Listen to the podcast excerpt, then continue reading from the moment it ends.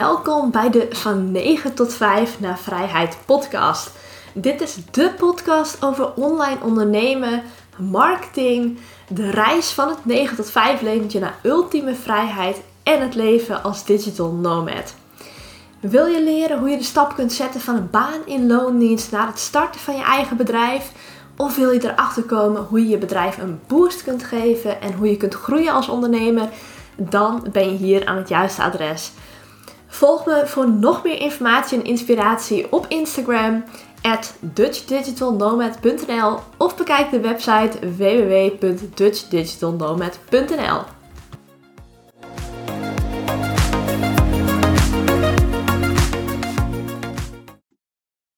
Voor vandaag heb ik een hele korte, maar in mijn ogen krachtige podcast voor je op het programma staan. Ik wil namelijk gaan uitlichten wat het effect is van het benoemen van cijfers in je marketing. Heel vaak is het zo dat vooral startende ondernemers, maar ook gevestigde ondernemers hebben dat ook nog wel hoor, dat het voor ze voelt alsof ze aan het opscheppen zijn wanneer ze hun cijfers laten zien. En met cijfers doe ik niet alleen om omzetcijfers. Ik ga je straks voorbeelden geven waardoor je denkt, oh dit zijn inderdaad hele sterke cijfers om te gaan benoemen. In mijn ogen is het namelijk zo dat wanneer jij cijfers laat zien, dat dat extra kracht bijzet in jouw marketingstrategie. Hiermee kun je echt een soort van expertstatus claimen. Je kunt je expertrol pakken. Je kunt laten zien, ja maar kijk eens even wat ik al heb gedaan. Zonder dat het opschepperig is. Het is zo dat als nieuwe mensen bij jou komen. Je bereikt bijvoorbeeld een compleet nieuw publiek. Dan moeten ze jou eerst gaan vertrouwen. En het stukje vertrouwen kun je juist super makkelijk opwekken door cijfers te benoemen in je marketing.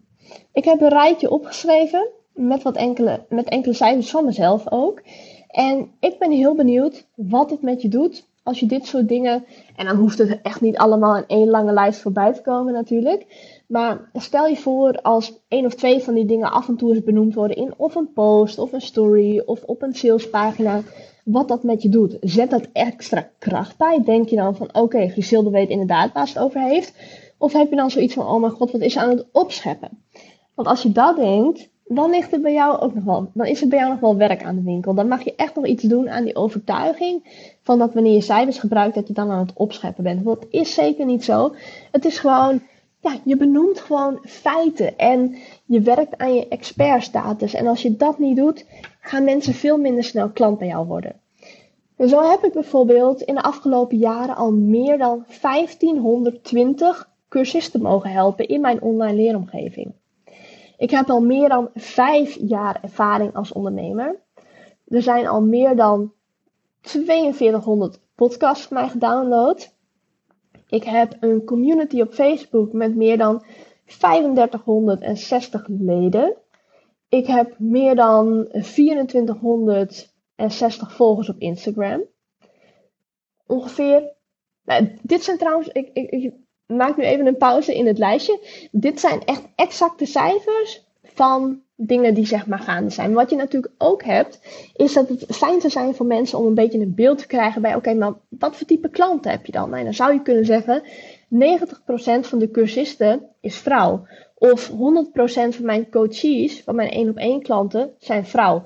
Mensen voelen zich dan meteen een soort van ja, verbonden met de community waarin ze terechtkomen.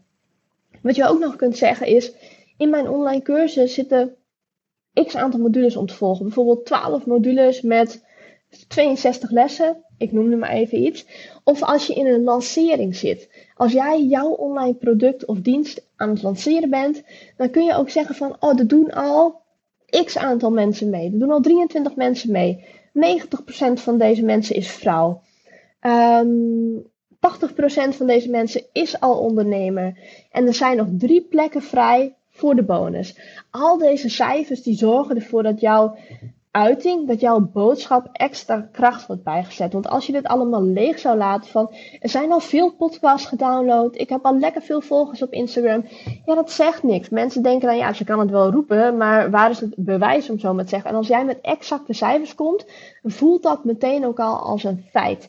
Ik zou ook echt zeggen, wees wel ook echt eerlijk in de cijfers die je deelt. Ga er niet cijfers bij op zitten te tellen. Dus doe dat ook eerlijk natuurlijk. Maar ik wilde dit gewoon in een hele korte podcast met je delen van hoe ik erover denk om ja, cijfers wel of niet te gebruiken in je marketinguitingen. Ik denk dat dat echt super sterk kan zijn. En dat het voor veel mensen ook een, ja, een drempel kan weghalen om met jou te gaan werken. Dus denk er dus over na. Ga eens kijken, wat voor cijfers kun jij delen in je marketing? En begin daar eens mee. Ga eens over die drempel heen voordat het eventueel zou voelen als Oeh, maar ben ik daar geen opschepper? Durf ik dit wel te laten zien? Je hoeft niet per se je winst en omzet te gaan delen. Maar je kunt wel delen, ik heb al zoveel klanten geholpen. Of ik heb al zoveel uh, van deze producten gemaakt. Ik heb al uh, zoveel procent van mijn klanten is vrouw, ik noem maar iets. Maar dit zijn allemaal feitjes die ervoor zorgen dat jouw boodschap extra goed overkomt. Dus ga daar eens mee aan de slag. Ga eens kijken wat jij kunt noemen in je marketing. En dan ben ik heel benieuwd naar. Tag mij daar ook in. Vind ik ook alleen maar leuk om voorbij te zien komen. Ik hoop dat je wat van deze podcast aflevering hebt gehad. En ik hoop je ook volgende week weer terug te zien bij een nieuwe podcast. Alright, dat was hem weer voor vandaag. Ik hoop dat ik je heb mogen inspireren. Heb je er iets aan gehad, dan zou ik het ontzettend waarderen als je een review achterlaat op het platform waar je luistert.